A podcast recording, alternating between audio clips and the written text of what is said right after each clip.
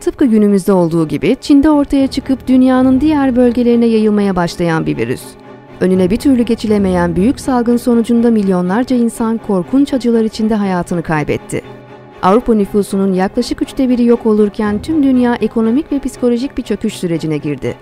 Tarihe kara ölüm olarak geçen ve etkisi yıllar boyunca atlatılamayan bu korkunç vebanın nasıl ortaya çıktığı konusunda birçok görüş ortaya atıldı.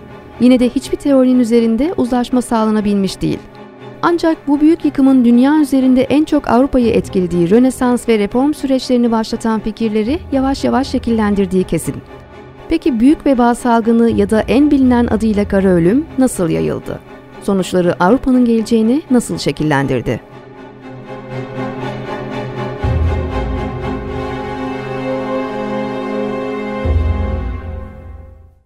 Yüzyıllar boyunca uğruna savaşlar yapılan, kontrolünü ele geçireni bir anda en büyük güç haline getiren yol, İpek yolu. Uğruna bunca mücadelenin verildiği ve tarih boyunca ticaretin en önemli geçiş kapısı olmuş İpek yolunun milyonlarca insanın felaketine yol açacak virüsü taşıyacağını kim bilebilirdi ki? Çin, tarihinde her zaman olduğu gibi kalabalık nüfusu ve ilginç beslenme alışkanlıklarıyla büyük veba salgınının da ilk olarak görülmeye başlandığı ülkeydi. Hastalığa yakalananlarda önce titreme, öksürük, baş ağrısı ve yüksek ateş görülüyor, son evreye gelindiğinde ise deri altında oksijensiz kalan kanın birikmesiyle büyük ve siyah şişlikler oluşuyordu. Hastalığın adına kara ölüm denmesinin nedeni de buydu. İlk olarak Çin'de görülen bu hastalık, bakterilerle dolu kürkleri satan Asyalı tacirler aracılığıyla İpek yolunu aşmış ve dünyanın diğer bölgelerine yayılmaya başlamıştı. Ancak virüsün Avrupa'yı baştan sona esir alması askeri operasyonlar sonucunda gerçekleşti.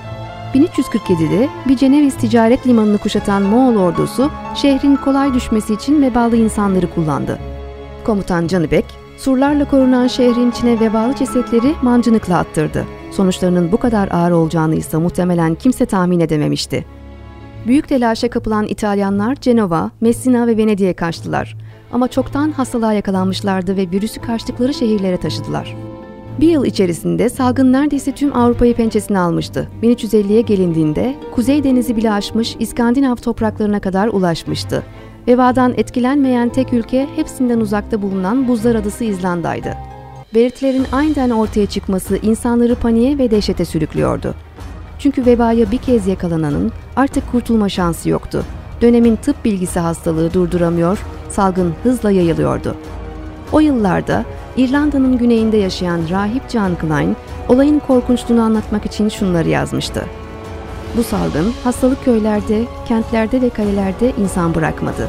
Öyle ki oralarda yaşayan birini bulmak neredeyse olanaksızdı.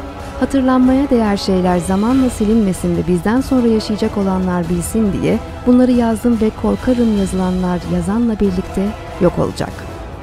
Çoğu Avrupalı vebanın kötü havadan bulaştığına inanıyor ve evlerinde tütsü yakıyordu.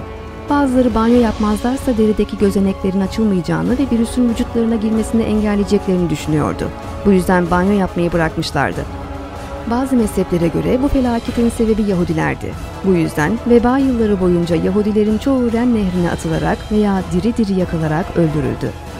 Veba döneminde Floransa'da yaşamış olan İtalyan yazar Giovanni Boccaccio, Decameron adlı eserinde o günleri şöyle anlattı.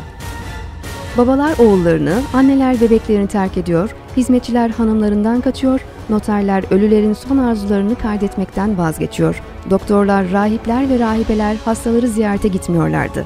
Kimse Hristiyan usullerine göre gömülemiyordu. Evler birer mezarlığa dönüşmüştü. Hastalığın böylesine yayıldığı bir ortamda en fazla risk altında olanlar elbette doktorlardı. Çürümekte olan cesetlerden ve hastaların vücudundaki yaralardan kendilerini korumak için gaga biçimindeki maskeleri kullanıyorlardı. Bu maskeler zamanla büyük veba salgınının simgesi haline geldi. Kara veba 1347-1351 yılları arasında devam etti ve milyonlarca can aldı. Avrupa nüfusunun üçte biri yok oldu. Tüm dünyada toplam can kaybı ise 100 milyona yakındı. 4 yılın sonunda salgın yavaş yavaş son bulmaya başladı. Ekonomik, psikolojik ve politik etkileri ise tüm dünya için yıkıcı olmuştu. Veba en çok da Avrupa'da Katolik kilisesini sarsmıştı. İnsanlar kiliseye olan güvenlerini kaybetmişti. o zamana dek aristokratların ve rahiplerin seçilmiş kişileri olduğuna inanılıyordu. Yoksul olan halksa kesinlikle bir günah işlemiş olduklarını ve bu yüzden Tanrı'nın kendilerini cezalandırdığına inandırılmıştı.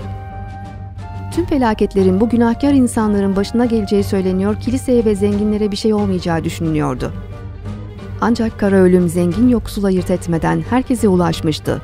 İlk başta kiliseden medet uman ve tüm varlıklarını vebayı durdurabilmeleri için din adamlarına bağışlayan halk bunun bir işe yaramadığını fark etmişti.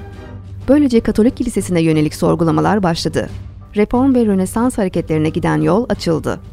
Veba bu dönemden sonra farklı yüzyıllarda Avrupa'da birkaç kez daha tekrarladı. Ancak hiçbiri 1347-1351 yılları arasında yaşanan salgın kadar büyük değildi. Yüzyıllar sonra kara vebayı araştıran bilim insanı Alexander Yersin hastalığa neden olan bakteriyi buldu ve Yersina pestis adını verdi. Bu bakterinin fareler yüzünden insanlara bulaştığı ve salgının hayvanlar yoluyla yayıldığı düşünülüyordu. Ancak son yıllarda Oslo Üniversitesi'nin yaptığı bir araştırmaya göre salgının hayvan değil, insan kaynaklı olduğu ortaya çıktı. Yersina pestis isimli bakterinin bir insan parazit modeli olduğu anlaşıldı. Konuyu araştıran Profesör Nice Stansett, fareler tarafından bulaştırılan hiçbir bakteri bu kadar hızlı yayılamaz. Sonuçlar oldukça açık. Hastalığı taşıyan ve bulaştıran insan vücudundaki bitlerdi açıklamasını yaptı. Günümüzde bile hala görülebilen bu bakteri türü artık antibiyotiklerle kontrol altına alındı ve ölümcül değil. Ancak her yeni yüzyılda farklı virüsler ortaya çıkmaya ve bilim adamlarını şaşkınlığa uğratmaya devam ediyor.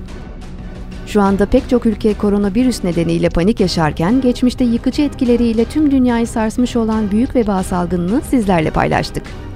Videoyu beğendiyseniz GZT'ye abone olmayı ve bildirimleri açmayı unutmayın. Müzik